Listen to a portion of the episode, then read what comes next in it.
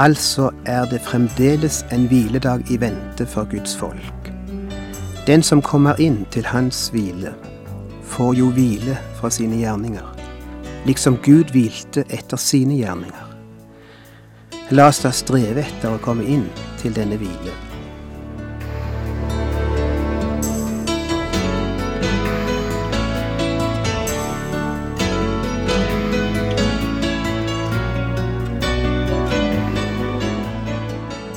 Hjertelig velkommen til et nytt program i serien Vindu mot livet. Vindu mot livet er basert på programserien Insight for Living ved Chuck Svindal. Programmet er produsert av Kristen Riksradio og blir ledet av Ola Bjoland.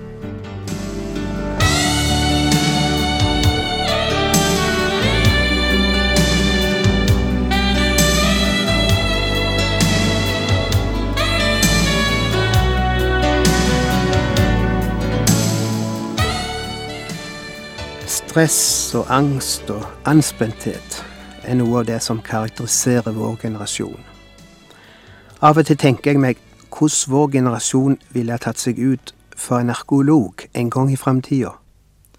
Eksempel en arkeolog tusen år fram i tida, som begynte å grave i historien, og kom til vårt lag, altså vår tid, og begynte å studere hva som kjennetegner vår tid som for ham altså ville vært historie.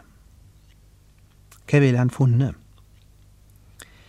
Kan du tenke deg ansiktet hans idet han begynte å oppdage at i vår generasjon er dødsårsak nummer én hjertesykdom. En sykdom som for en stor del utvikles på grunn av stress og bekymringer og høyt blodtrykk. Og jeg tror han vil bli like overraska over å finne ut om den høye selvmordsprosenten. Og kanskje han òg ville finne ei bok som heter Hvordan en gjør slutt på sitt eget liv.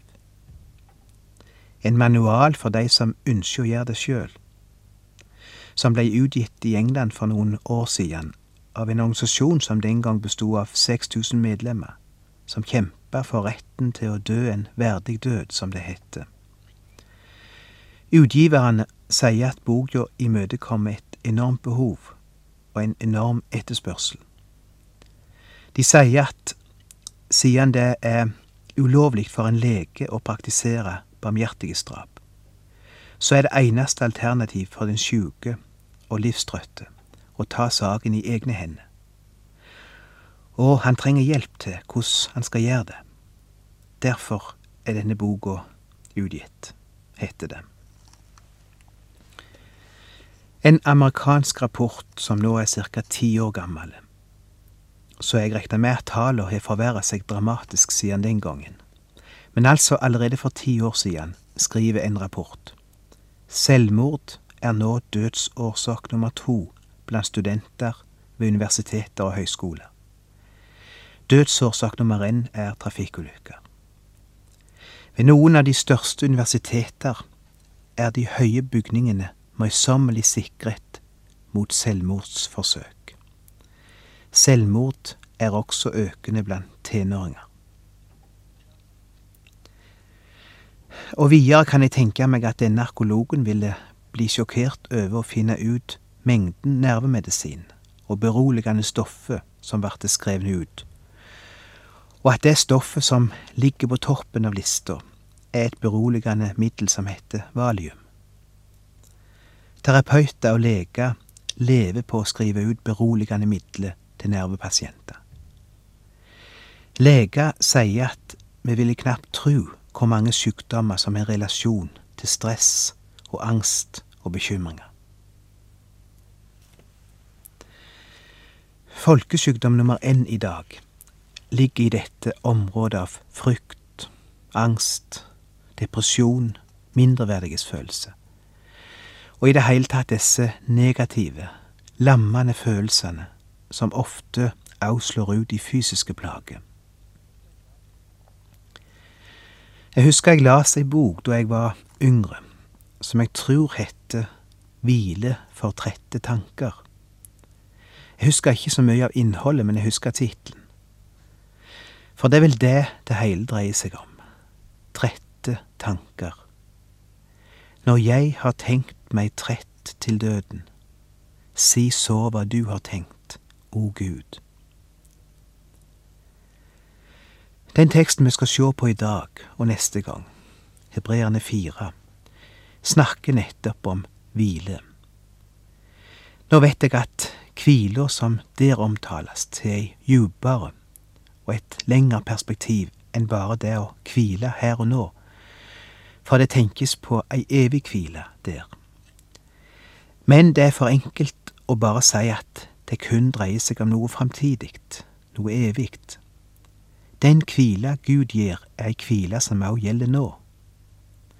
Når Jesus sier Kom til meg, alle dere som strever og har tungt å bære, og jeg vil gi dere hvile, så er det ei hvile som både er framtidig og nåtidig.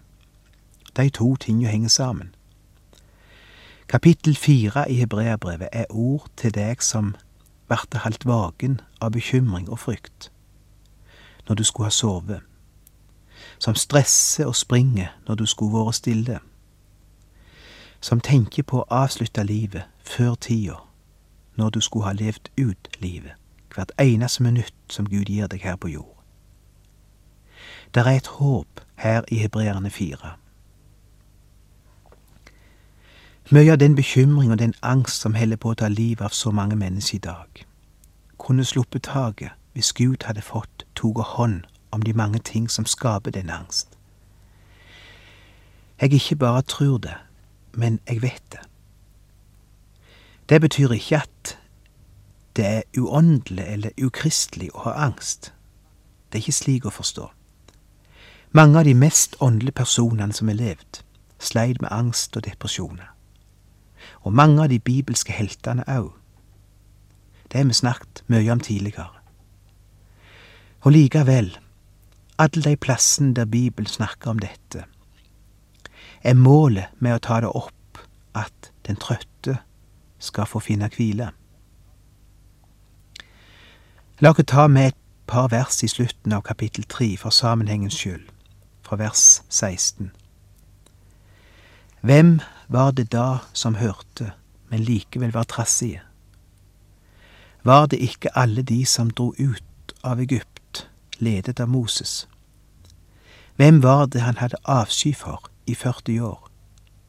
Var det ikke de som syndet og falt døde om i ørkenen?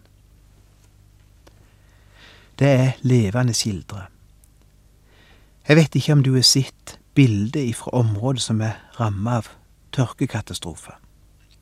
Du ser uttørka dyrekadaver ligge strødd som avfall rundt om det avsvidde landskapet. Det er slikt bilde jeg ser for meg når jeg leser dette.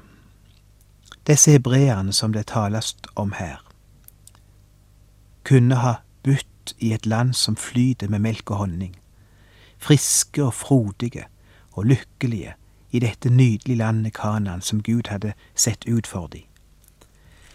I plassen ligger de strødd rundt i ørken som kadaver etter ei tørkekatastrofe.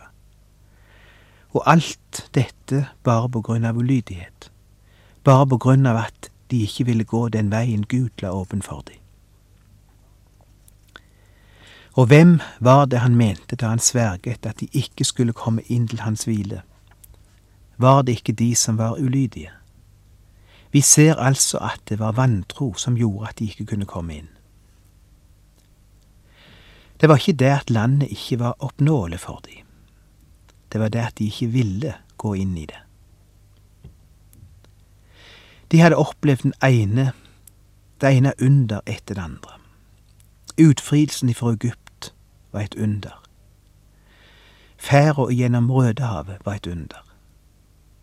Hver dag regna det brød ifra himmelen over de. Manna vart det kalt. Hver dag vart de leda av ei sky som gikk framføre de, og som flytta seg ifra plass til plass etter hvert som de gikk framover. Alt vart lagt til rette for de. Og så kjem de fram til grensen av Kanan, målet med heile reisa. Og de står ved skråningen utenfor Kadesh Bernea og de venta på den endelige ordren ifra Gud. Og ordren kjem, gå inn i landet. Og de sender noen spioner i forveien, eller speidere. Og speiderne kjem tilbake og sier, de kjempene der inne er store. Vi kan ikke gå imot dem. Vi kan ikke gå inn i det landet. Vi må snu. Og de går ikke inn, ennå Gud har sagt, gå inn i landet. De stoler ikke på Guds vurderingsevne. De stoler mer på sine egne eksperter. Og det etter alt Gud har gjort for dem. Og da er det at Guds tålmodighet tar slutt, og han lar de sirkle rundt i ørkenen i 40 år. En strekning som normalt skulle tatt elleve dager. Og sporet etter de var som et forlatt og dødt spøkelseslandskap etter ei tørkekatastrofe. Og så er det at kapittel fire fortsetter med et derfor, eller siden, som det står i den nye oversettelsen. Siden løftet om å komme inn til Guds hvile ennå ikke er oppfylt, må vi være på vakt, så det ikke skjer at noen av dere blir liggende etter. Det er som han sier, lær av historien. Vær ikke som disse som blir liggende igjen i ørkenen, når løftet og muligheten for å komme inn til hans hvile lå rett framfor dem. Historien om Israel i ørken henger og dingler framfor øynene våre som et eksempel på at òg de fikk tilbudet om å finne hvile. De fikk sin sjanse, men de tok ikke vare på den. Og formaningen lyder ikke gjør samme feilen som deg. Og det går sjølsagt på det å komme inn i Hans rike og få oppleve den evige hvile en gang. Men det går òg på dette med å finne hvile for trette tanker her og nå. Det gjør det. Og Bibelen sier det er ei hvile du må erobre. Det er ei hvile du må gå inn i. Gud skal gi deg den, men du må gå inn. Gud hadde gjort den klar for sitt folk, og han sa gå inn. Men de snudde. De valgte ørken i plassen for hvila. Jeg tror ordet gå inn er et nøkkelord i den kristne tru.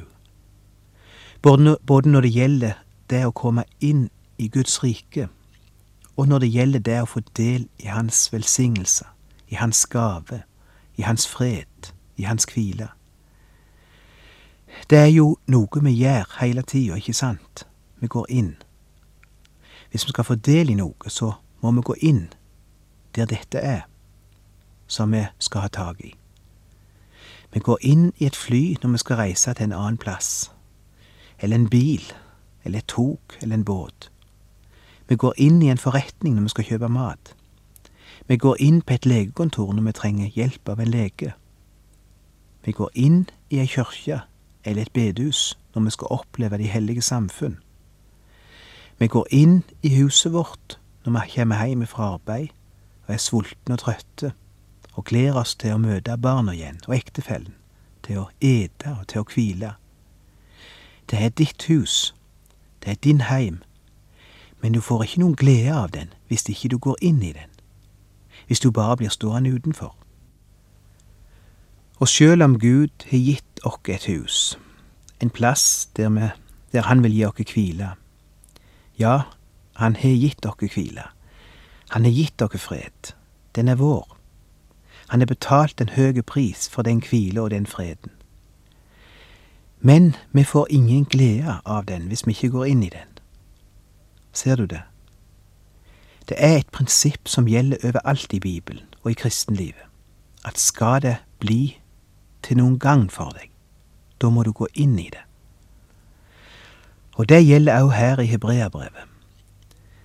Det som her kalles hvile, jeg vil gi deg hvile, sier Jesus. Ja, men hvorfor finner ikke folk hvile? Og, for, og hvorfor er det så mange kristne òg som ikke finner hvile, på tross av at han er lovt det? Kan hende det ligger akkurat her, for deg. Kan hende det har å gjøre med at du ikke har gått inn i den. La oss lese litt videre fra vers to. Det glade budskap er jo forkynt både for oss og for dem. Men de hadde ikke noen gagn av ordet de hørte, fordi det ikke ved troen ble ett med dem som hørte det. Ser du det? Å høre pluss å tru er lik hvile. Et nokså enkel formel. Å høre om hvila som Han vil gi, pluss å handle, det vil si gå inn i den, gir hvile. Å høre er ikke nok. Å høre god forkynnelse fører ikke automatisk til forandring. Det gjelder alle områder av livet. Det gjelder alt Guds ord taler om. Å høre skaper ikke noe hvis vi ikke tar det vi hører i bruk, og handler på det. Det ser jeg de sterkeste eksempel på nesten hver eneste dag. Du kan møte mennesker som ikke har gjort noe annet enn å høre hele livet. Er gått i Guds hus på hvert eneste møte omtrent, eller hver eneste gudstjeneste. Er hørt og hørt og hørt. Formaning og trøst, lov og evangelium. Og likevel kan du finne blant disse noen av de mest trøtte og utslitte og bekymra mennesker i verden. Eller noen av de mest stolte og stae. Eller sure og grinete. Eller noen av de mest sladrete og ryktespreiende. Og jeg skal garantere at de har hørt om alle disse ting. De har hørt hva Guds ord sier om det.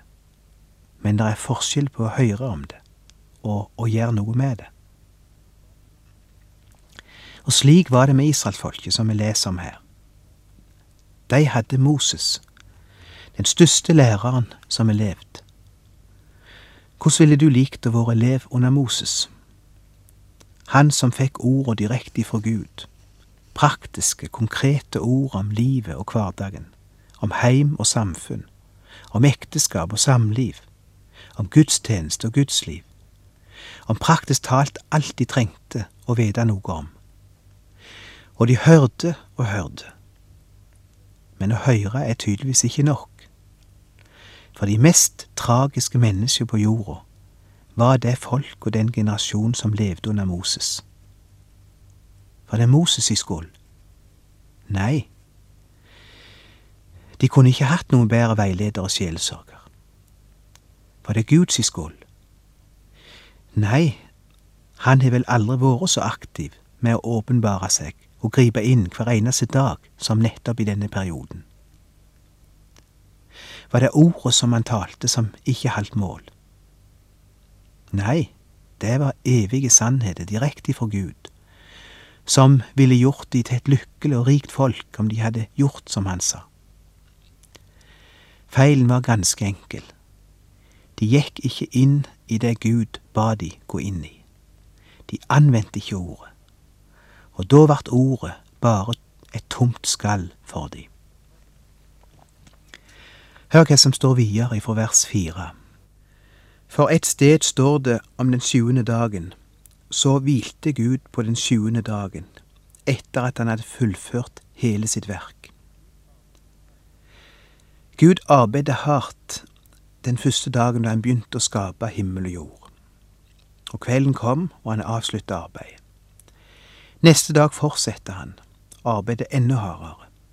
Og neste dag igjen. Det ble morgen, og det ble kveld, står det. I seks dager arbeidet han. Og den sjuende dagen hvilte han, står det. Eller vi kunne oversatt.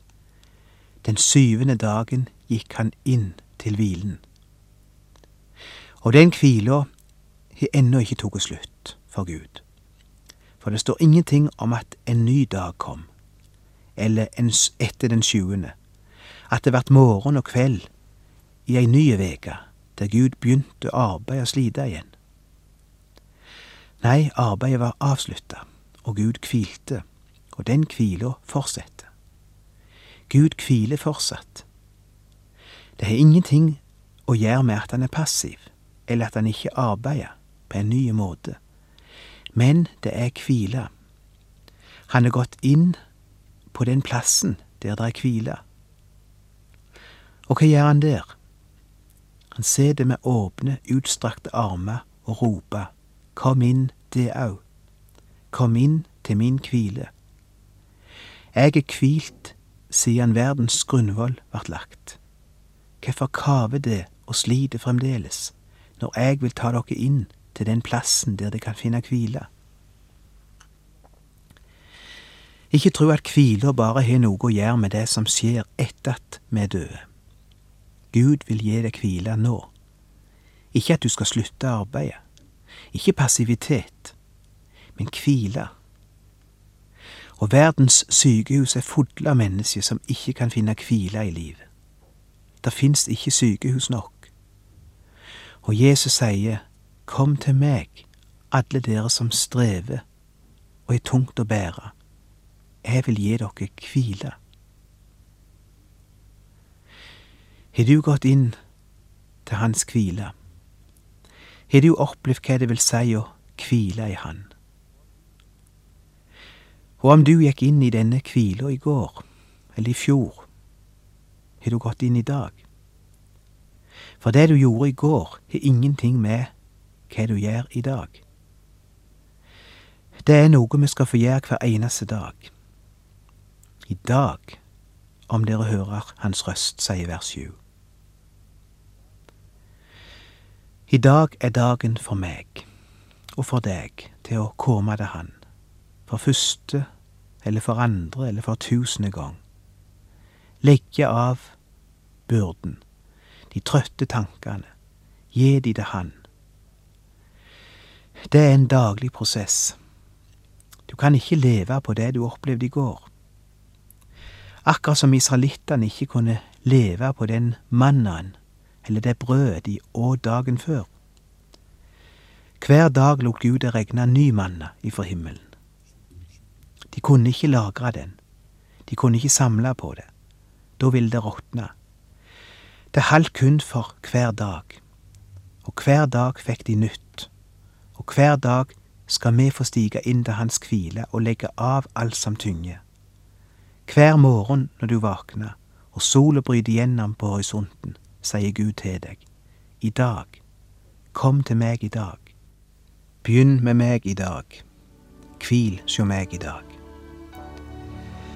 Det greske ordet for hvile innebærer tanken på å legge av noe, og la noe opphøre. Det var kanskje noe du skulle legge av i dag. Legge det over på Han. Det er det Han er til for. Han kom for å bære. Og noe av det han er båret, er din synd. Og noe av det han vil bære, er dine bekymringer og din angst, slik at du kan få hvile i Han.